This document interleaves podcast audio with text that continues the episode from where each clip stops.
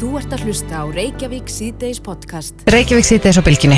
Það hefur ímislegt breytt, breyst í lífi fólks undanfarið ár, rúma ár.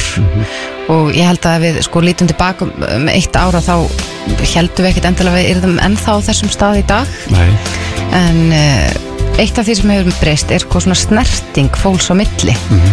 ég fyrir svona í byrjun faraldusins þá uh, áttu við mjög aðteglisveit spjall við Hildi Eir Bolladóttur uh, sopnaprestur Norðan. Þar sem hún lísti sko síklafóbíu sinni og uh, þarna var hún allt í einu komin í aðstæða þar sem allir voru í sömu st- stöðu og hún Já, hún er nú verið að sagði við okkur þá að, að það hefði lítið breyst hjá henni, hún hefði hvort er alltaf verið að, þó sér um hendur og spritta og, og gera slíkt. Já. En það er spurning hvort að, að þetta sé bara komið til að vera, hvort þau sé mögulega ekkit endilega að fara að grípa í hendurnar á ókunnum eða faðmast svona út á göttu eða, eða hvað. Mhm. En uh, sýstir hennar Hildar, hún Jónar Hrönn Bolladóttir, skrifaði greinin á fréttablaði núna í gær og þar er hún að tala um persónumörk og, og segir að við gætum nefnilega átt falli og innhaldsrík samskipti og samveru með fólki þar sem að líkamlega snerting kemur ekki við sögu. Einmitt. En Jónar Hrönn er á línni, kom til sæl. Já, komið blessu. Ég man einmitt í upphafi faraldur fyrir hvað hérna þegar Hildur fyrsti sagði að nú væri hún allt í hennu bara hluta hóknum. Mhm. En það er þannig náttúrulega með svona þrávíkju árátturöskun að, að eh, það, það kemur nú ýmis konar þráhyggja til þess að hafa stjórn á kvíða og meðal annars handfóttur og, eh, og þeir sem að hafa mikið kvíða þeir sér mjög mikið og eru mjög meittir á, höndum. En ég held að við erum að horfa til þess tíma bara breytt tíma við að handfóttur verður miklu meiri og, og, og miklu meiri lögð áherslu á hann. Mm og, en, ég, en svo var ég auðvitað að tala um þetta með snertinguna að það er þannig að við höfum ólík persónumörk og bara maður sér það með fjölskyldur sem að fjölskyldur faðmast mikið, aðrar ekki.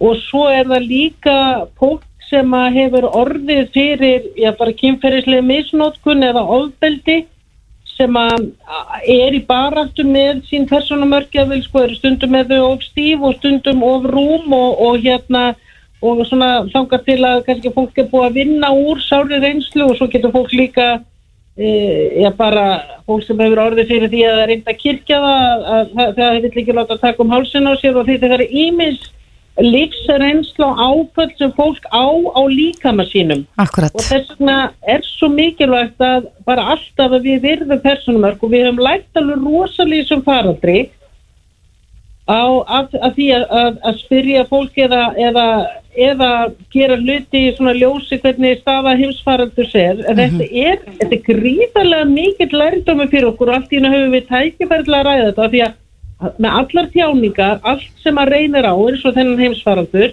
við þurfum inn, e, þegar við erum að fara í gegnum tjáninguna eftir að seg, spyrja hvað höfum við lært vegna þess að, að það gefur merking og tilgang í, í, í úrvinnsluna áframhaldi Mhm.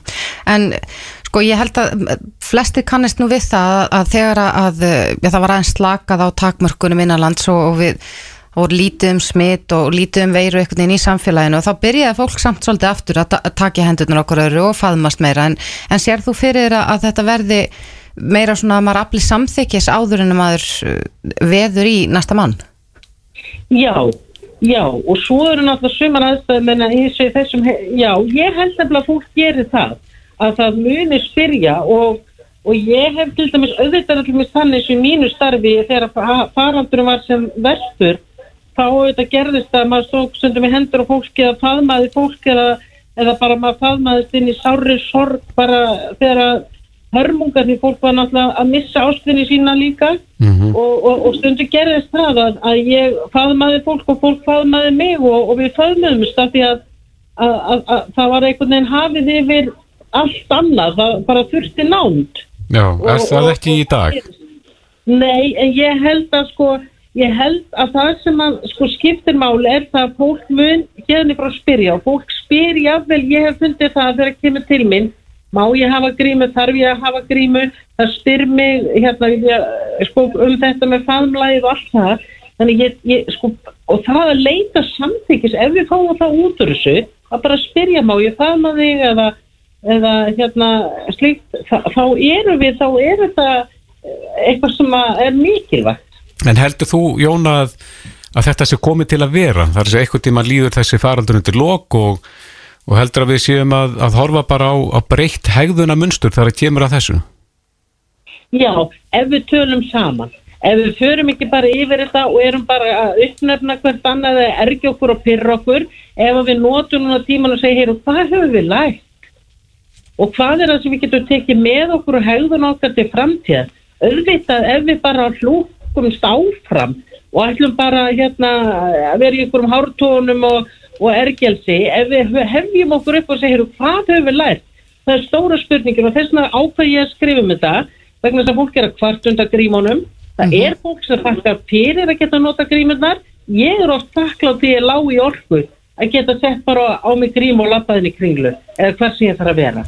Akkurat. og sumir segja bara ég áttur að sakna þess. Og, og ég vona sko þannig að við sko við auðvitað lærum við ekkert að við tölum ekki saman ef við erum bara að pyrra okkur. Og það er svo mikilvægt núna af því það er svo allir ofnir svo ótrúlega þreyttir og, og, og yfirkerðir að nú segi, byrjum við bara að segja "Heyrðu, já ok, ekki bara fara að tala um það við höfum lært og hvað við ætlum að taka með okkur út úr þessar reynslu til þess að hafa til framtíða En þú, þú segir hér í greininni að, að þú teljir að, að þessi uppstokkun á snertivenjum sem er svo skemmtilega orða hjá þér uh, sé bara kær komin hjá fjölmörgum Já. Valdið þessu margar ófríska konur sem eru fegnar því að það skal vera að strjúka á þeim aða. eflust margar Eitthvað fólk sem hittir þar og mætir þeim og þú allir að fara að- að strjúka þeim mann svo oft kannski þessi ófríska kona bara reynsla því að vera barinn að kýldi illi maga eða eitthvað skilur og það að einhver ræðst að maganum hennar er óþægilegt.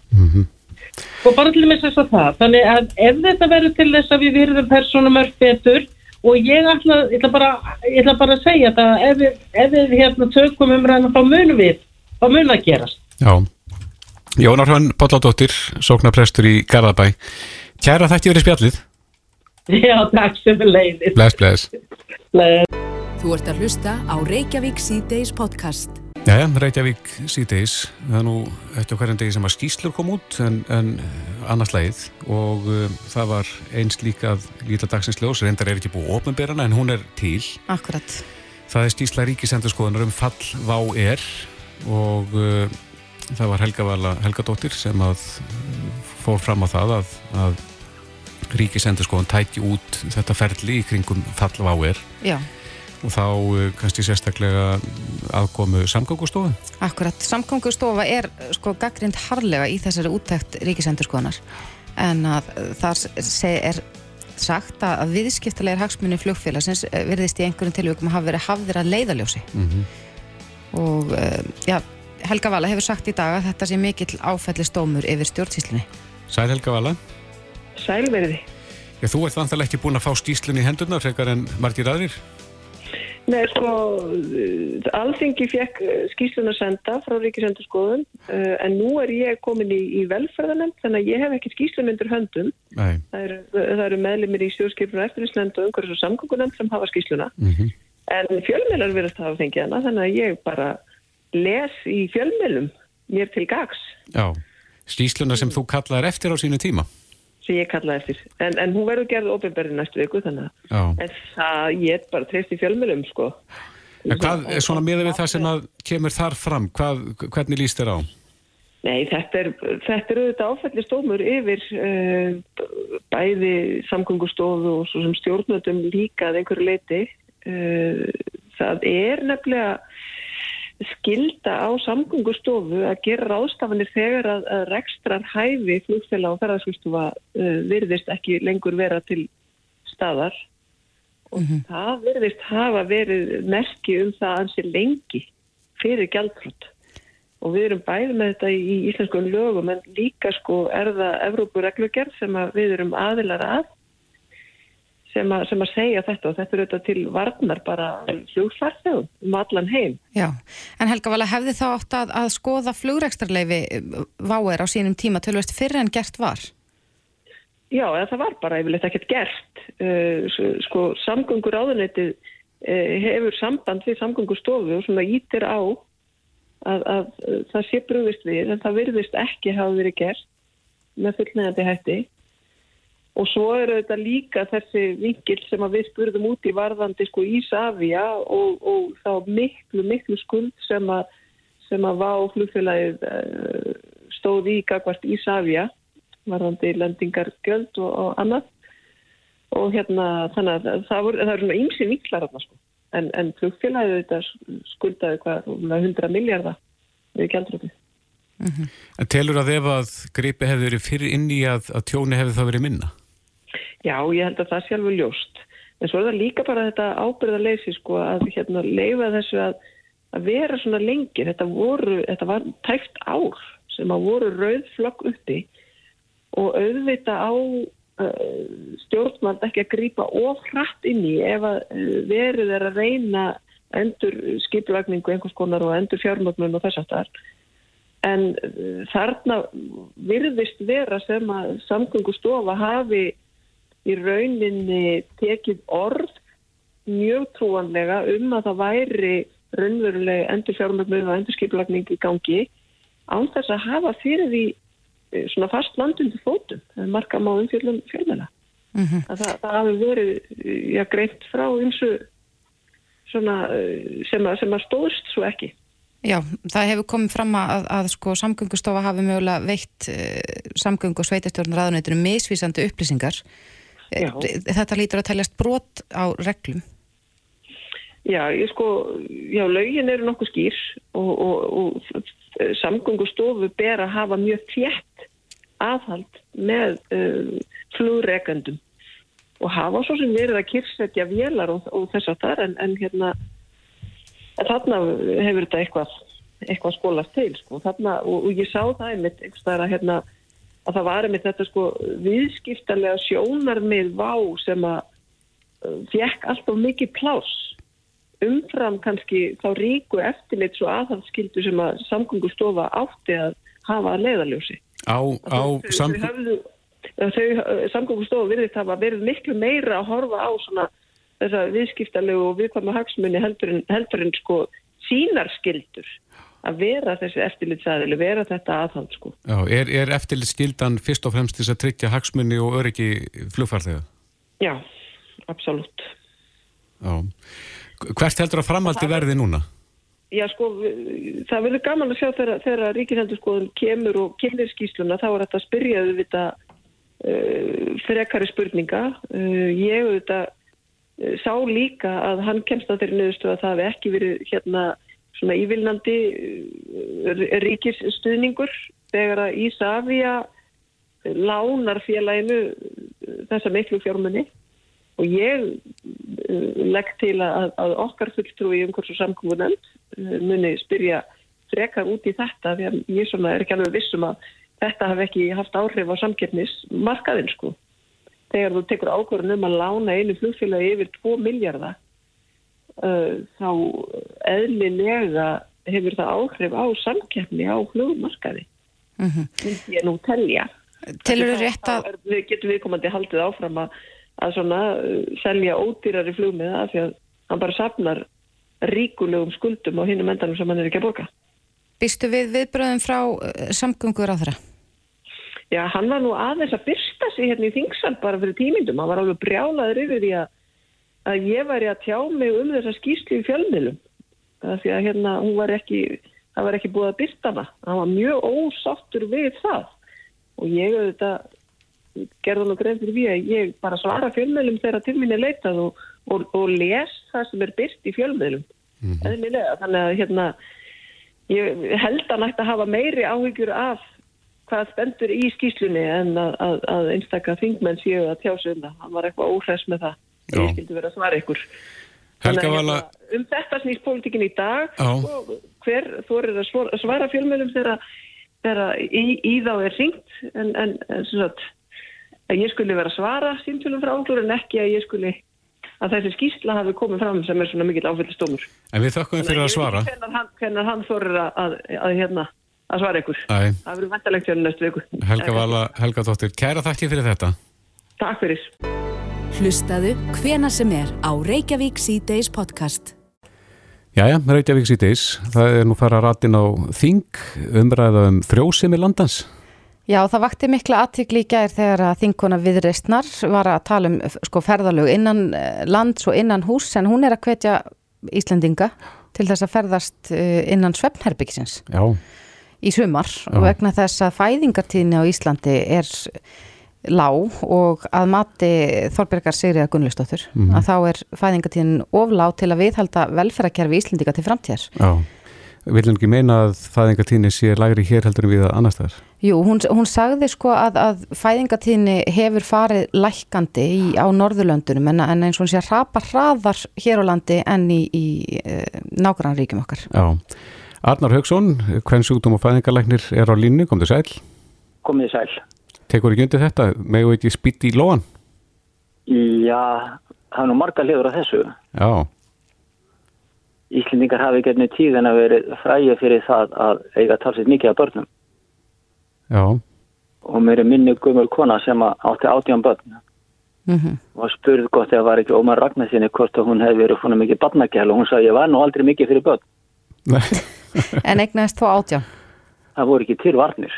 Nei, og uh, við erum núna að gera það sem voru að gerast í það í Európu að fólk er farið að hugsa meira um hvað vil eiga að börnum mhm, og hvað það vil fá út úr lífinu. Og Norrlanda þjóðnöngur hafa farið mun rólegra fyrr af stað heldur en við. En svo kemur úr þar ofan á að það bendir margt til þess að það sé mingu frjósumi og lækandi frjósumisaldur hjá konum. Og ekkert langt sína glasafókunardeildin réttilega bendi konum á það að býði ekki alltaf lengi með að kanna frjósumina sína. Það Akkurat. var veldið fundir sko. Hefur fundist eitthvað skýring á því hvers vegna eh, frjósemi hjá konum er að, að sérst, aldurinn sé að lekka? Það eru margar hugmyndur upp en ég ekki sé neina sjálfur, ekki sé neina stóra rannsóð sem getur bent til þess akkverju.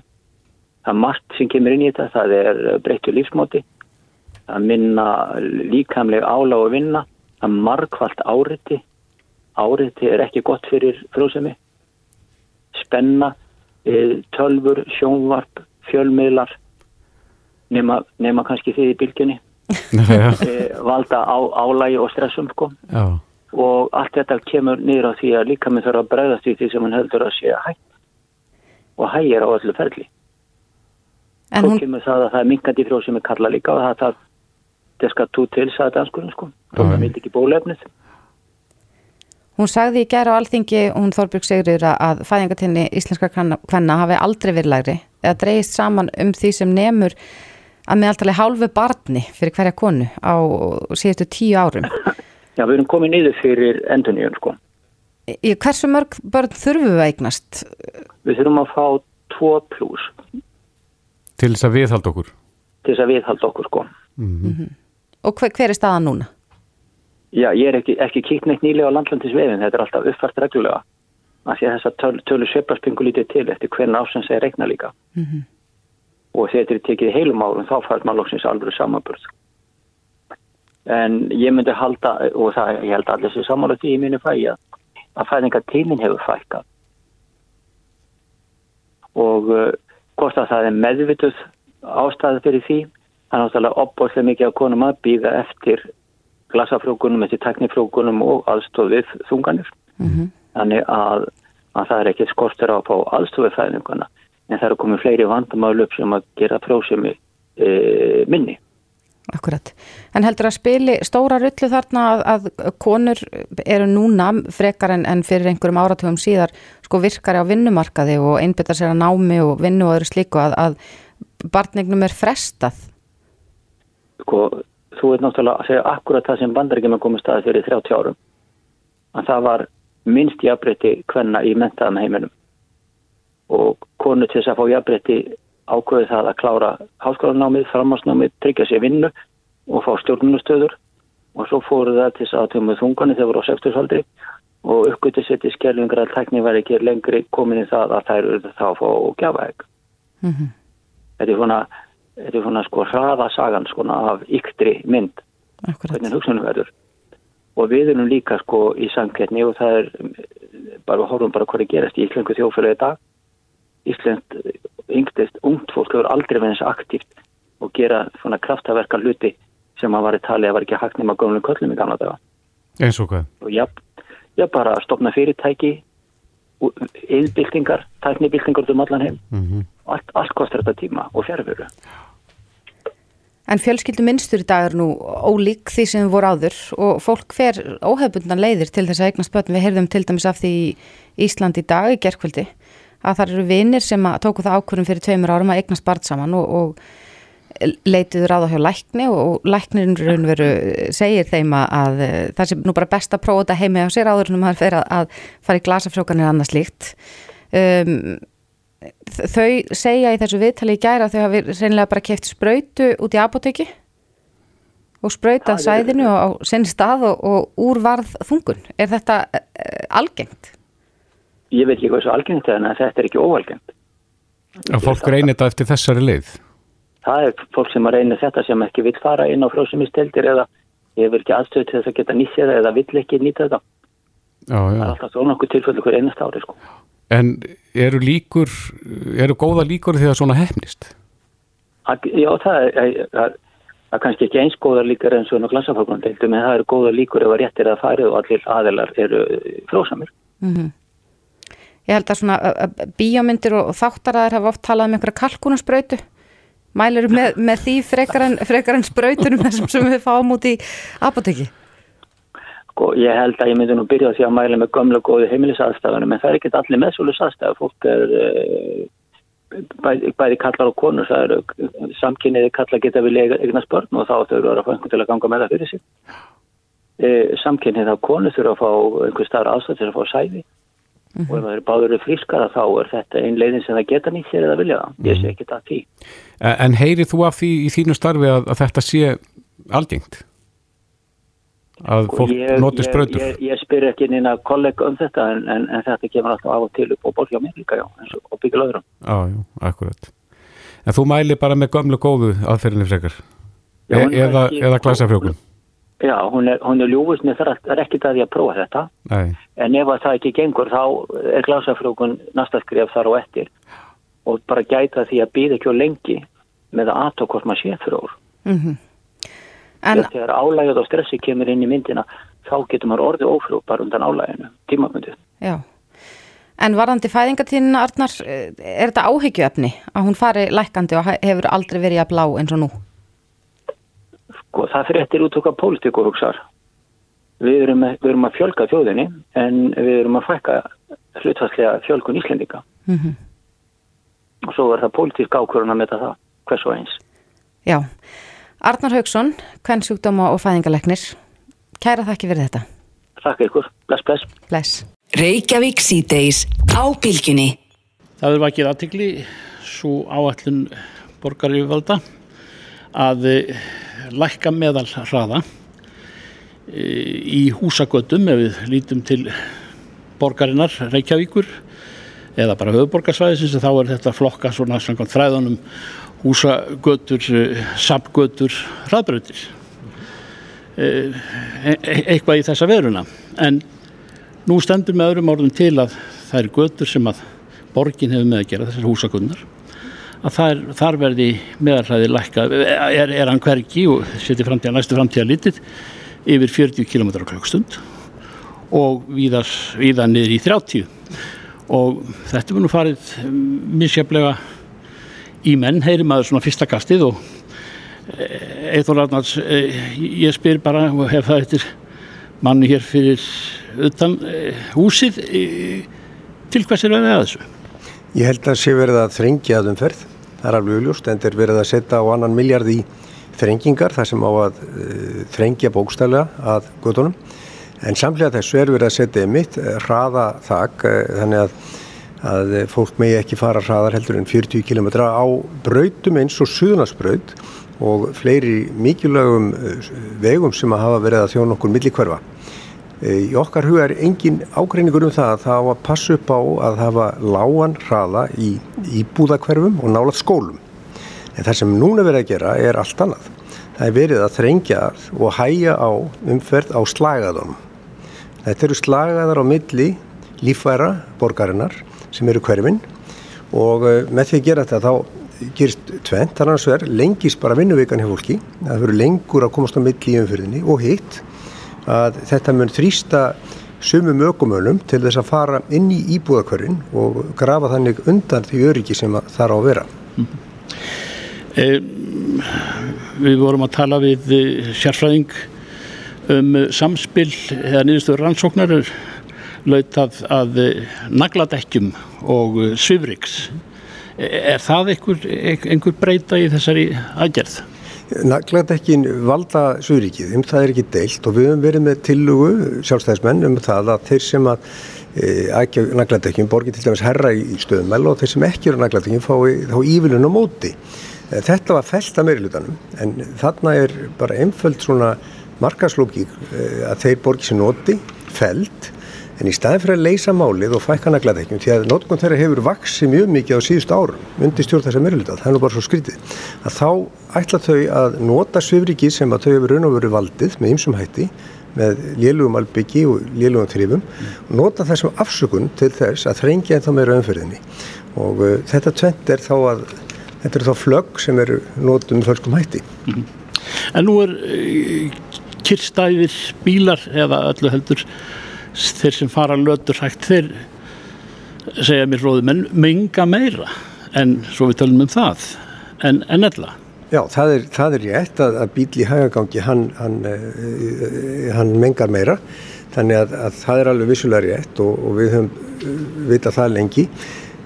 Lausnin til þess að minga mengun í borginni er náttúrulega að malbyggi sé betra, að það sé betur lagt og við höfum sett mjög alvarleg tilfelli þar sem að malbyggið hefur bara ekki verið í lagi, mjög alvarleg tilfelli.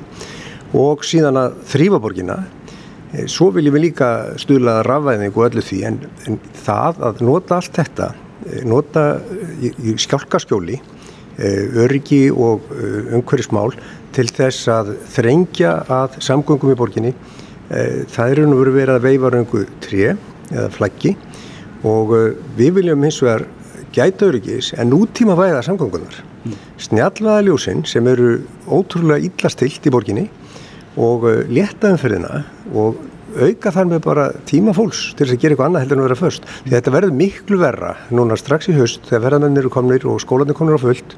E, þetta er þungt í dag en verður miklu verra og þetta er ekki lausnir sem er verið að bóða. Uh. Eithor Róðlands, uh, þú talar um, já þetta er hæging, þetta er þrenging uh -huh. uh, sem er sjálfsagt einhverjum í hag, einhver tíma dags eða, eða guðum á þetta hvað, en, en svona heilt yfir, akkur ganga allar þessar aðgerðir, já bara í setni tíð út af það að hæja á öllu og þrengja allt. Hvað býra baki? Ég mér sínist að, að sé verið að reyna að fá fólk til þess að hætta og gefast upp á að nota bíla Eh, almenningur hefur valið bílinn sem sitt uh, samgöngutæki. Við viljum komast alla leið í hagkaup eða Costco eða með börnin í skólan og annað. Alla leið og bílinn er bestur í það og uh, úr því að fólkið vill ekki yfirgefa bílana með góðu þá sínist mér að það er beita þrengingum. Og afið minn og selvugi hann sagði að það verði ekki gott að lendi í þrengingum. Ég þarf alltaf takk. Takk. Þetta er Reykjavík C-Days podcast. Reykjavík sýtis á bylginu heldur áfram. Í dag tóku gildi þessar tilslaganir í sóttvörnum hér innanlands. Já, nýjir reglugjörð. Einhverju fóru eflust í sund í dag og svo með að fleiri koma saman. Mm -hmm. Það er þetta að vera í rektina. Einmitt. Og þar fram eftir göttum. En það er ekki allir alls kostar sáttir með þetta. Nei, finnst þér vera svolítið út undan? Já, það er hér greinin á vísi.is um, sem beri heitið Ég skal falla á kní og grát byggja um endurmat. En þarna er veitingamæður nokkur að grát byggja Svandísi Svavastóttur og Þóról Guðnason mm -hmm. um að endurskoða eða útfæra reglur um, um sko, fjöldatakmarkanir ögnánar vegna þess að hann segir að veitingastæðar hafi glemst Segmari Viljámsson, veitingamæður, er á línni Sæl? Já, já sælverði Já, þú vilt falla, falla á kní og, og, og hérna byggður þér vægðar Já, ég bara er komin á það steg, ég er tilbúin til þess sko. og hérna, nú er það þannig að ég, okkar afstæður alltaf verið svo að við hefum bara tekið því sem okkur ber og, og viljum bera ábyrð með eins og samfélagið hefur gert mm -hmm. en, en ég, svona, ég veit ekki hvað það er en einhvern veginn finnst mér orðaðinni tengstum við veitingastæði einhvern veginn hafa ekki alveg verið ofta á tíðum réttmættar sko, því að veitingastæðir eru náttúrulega eh, staður þar sem fólk kemur saman og gerir sér dagamunn og, og, og fjölskyldur eiga, eiga góða stund. Mm -hmm. uh, og auðvitað hafa veitingastæðir allir fengið eitt mesta skellin af öllu starfsgrunum fyrir þá mögulega ferðarþjónastunum sem slíka. Og hérna og það eru þetta munur á veitingarstöðum, það eru þetta stærðamunur á veitingarstöðum og, uh, og getumunur í að framfylgja þeim reglum sem er í gangi. Og verandi með tveggja metra reglu þar sem að veitingarstöðum ber að tryggja tvo metra á milli ólíkra hópa að þá ertu komið með ansi gott gott, gott kerfi. Mm en það síðan að takmarka fjölda í hólfum óháð stærð hólfana við 20 manns. Finnst mér vera svolítið svona fljótfærnislegt, þetta að segja. Finnst þér þá eitthvað svona ójafræði í þessu? Að, að, eins og minnist til dæmis á að sko það er ekkit hættulega að sitja í tveggja metra fjarlæg á veitingastæðin í leikhúsi eða tónleikum eða maturverslun? Nei, einmitt, uh, sko það sem að ég, ég, ég hef nú alltaf reynda forðast ég að tala alltaf um kannski það sem að snýða mér persónulega, en ef við tökum samt stað sem ég rek, sem er 2000 fermetra staður uh, ég, get skipt honum niður í 5 hólf þetta er staður sem hefur leiðið fyrir 500 manns. Ég get hæglega tekið fleiri en 20 manns í hólf og samt tryggt 20 metra fjalla, samt tryggt uh, sér salernin fyrir hvert, hvert og eitt hólf. Og, og, og tryggt góða sóttvarnir á þeim stað. Á meðan kannski annar staður eh, sem er í minni er 100 er, er, er tölvöld minni 250 fermetrar þar geti bara ekki náð að taka fleiri en 20 í hvert hólf. Eh, það er til eins og í vestlunar ákvæðinu hjá hér í ofnberða, þar er miða við einn manns á hverja 5 fermetra. Eh, þar hins vegar er, ertu ekki með hólf, þú ert með minni sóttvarnar ef eitthvað því að þú ert með eh, ekki salerni fyrir hvern og eitt, þú ert ekki með uh, sömu varnir uppi.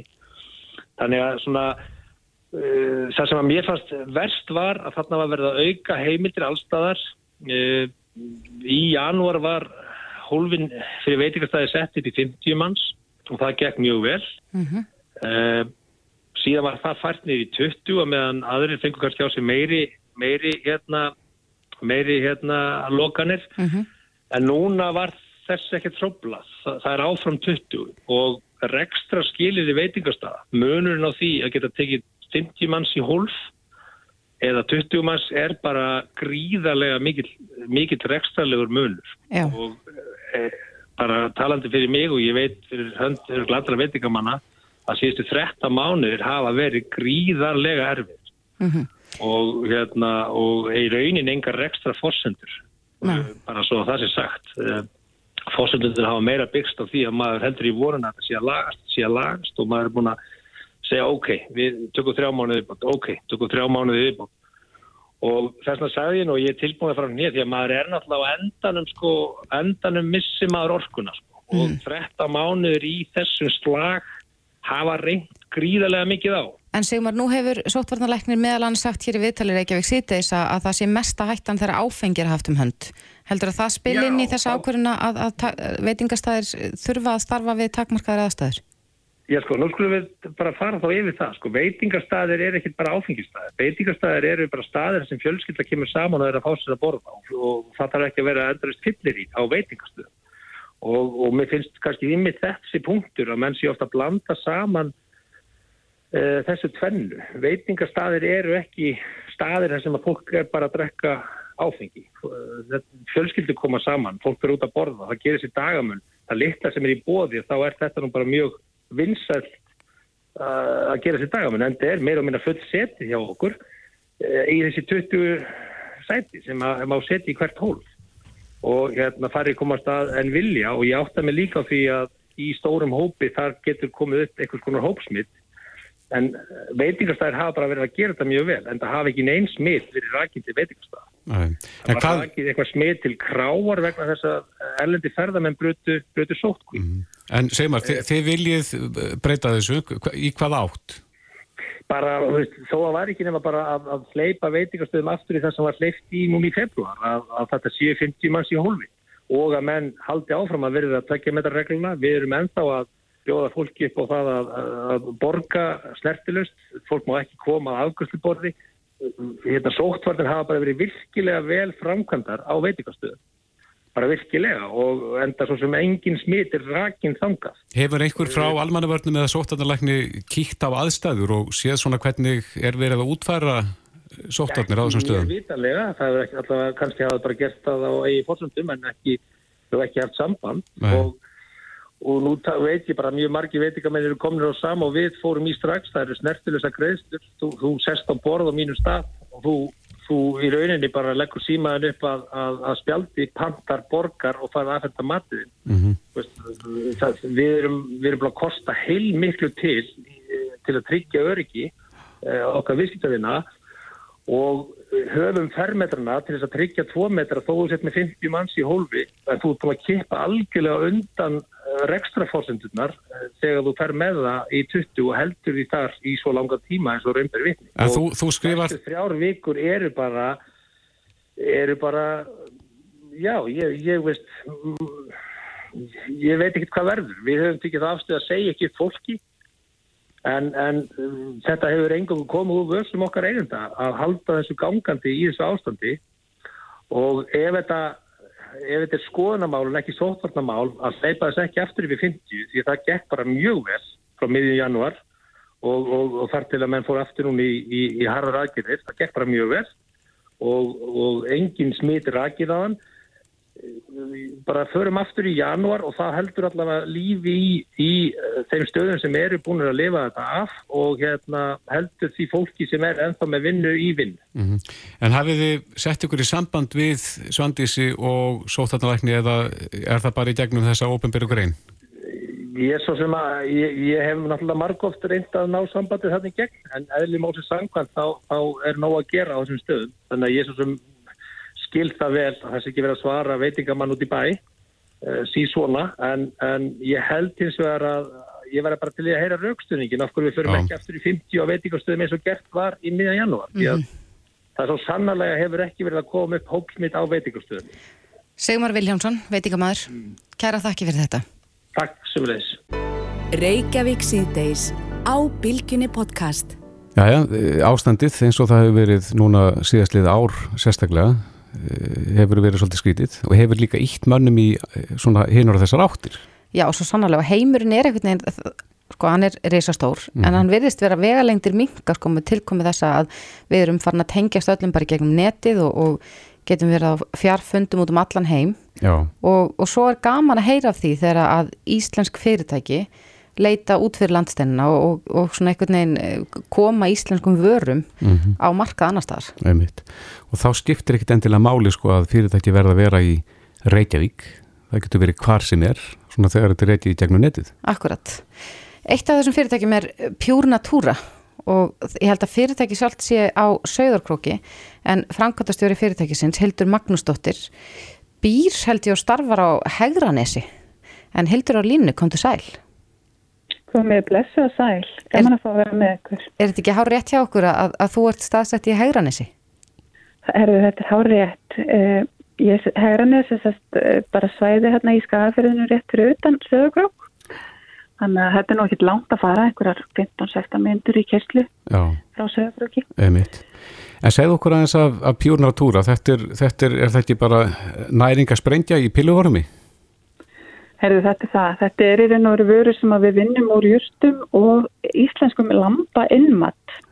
Þannig að við erum að nota lambalifur og lambahjörtu og, og búa þannig til svona næringasprengju fyrir fólk sem er kannski stressað eða orkulegst eða vantar játn eða vantar B-vitamin eða, eða hva, hvað sem það kann að vera. Mm Þannig að við erum, við erum komið með þess að alveg fimm vörur á markað og erum í raun og veru að, að framlega ekki bara fyrir Ísland, heldur, heldur núna líka fyrir uh, fyrirtæki Breitlandi sem að selja svo bara vörurnar okkar undir sínu merkjum og svo erum við með vörurnar okkar uh, á Amazon í Bandaríkjunum og í Walmart. Já, hvernig var að koma þessu þarinn? Uh, við bara fengum með okkur fyrirtæki, bandarist fyrirtæki sem að sér hafið því í þessum málum, uh, fengum það með okkur í lið og af því að þið myndu stóða hvað heimurinn er að verða lítið þá er þetta nákvæmlega þannig að ég hérna sitt löngum stundum á skrifstónum minni í hegranessinu og tek fundi við fólk vísverð um heiminn Bandaríkinu og Breitland og, og Tjekkland og viðar sko. Þannig að þetta er, er allt hægt í dag með þess að nýju tækni. Þú þú segir að þetta er sko eh, búið til meðal svo jurtum og, og, og lamba innmatt.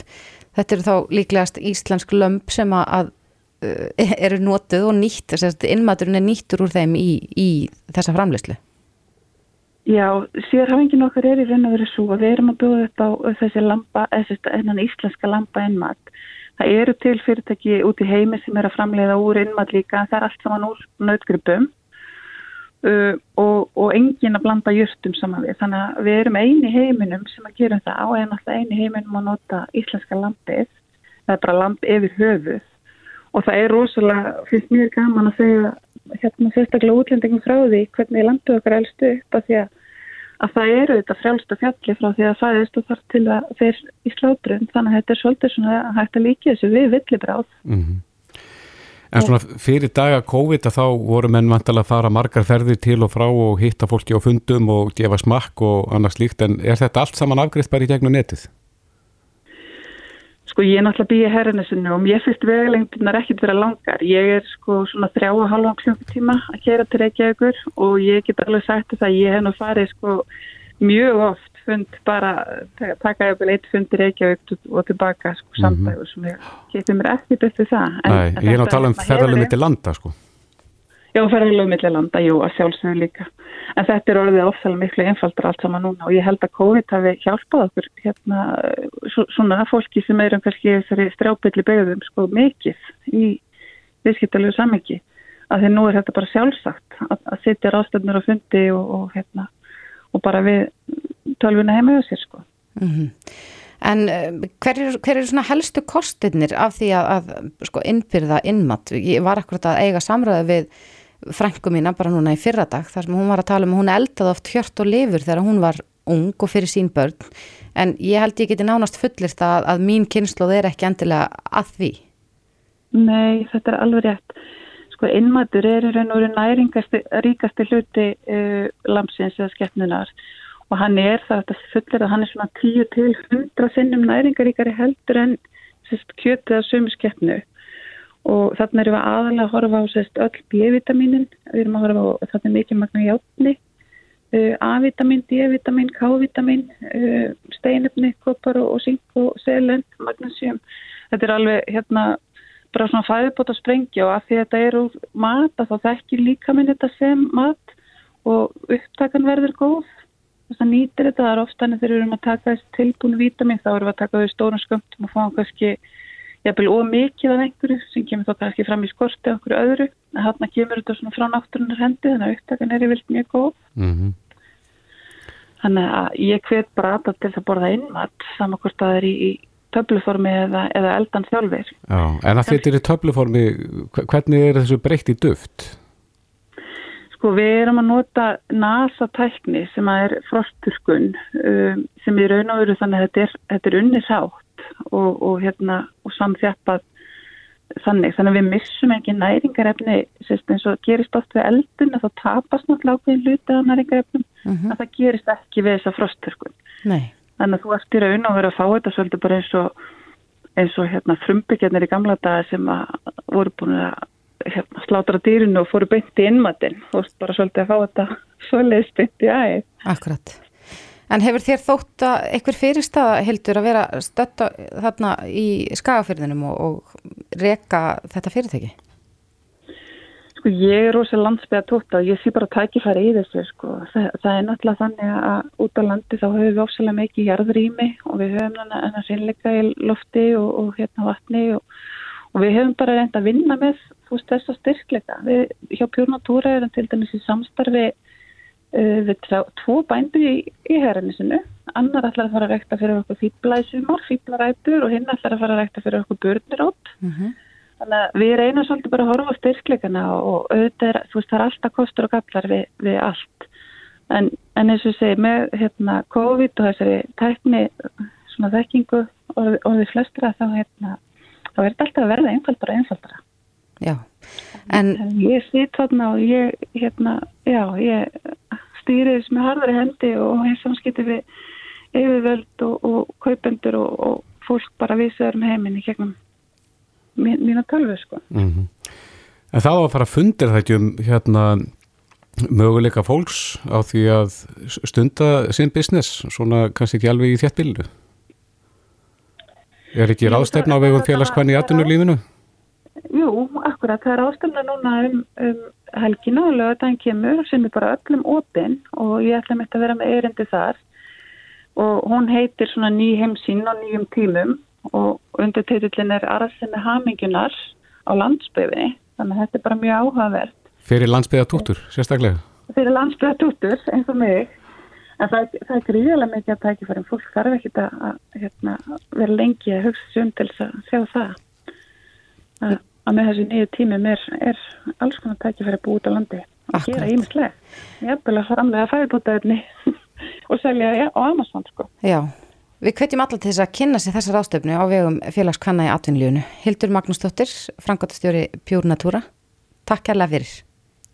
Já, takk hérlega fyrir mig Reykjavík síðdeis á Bilginni podcast.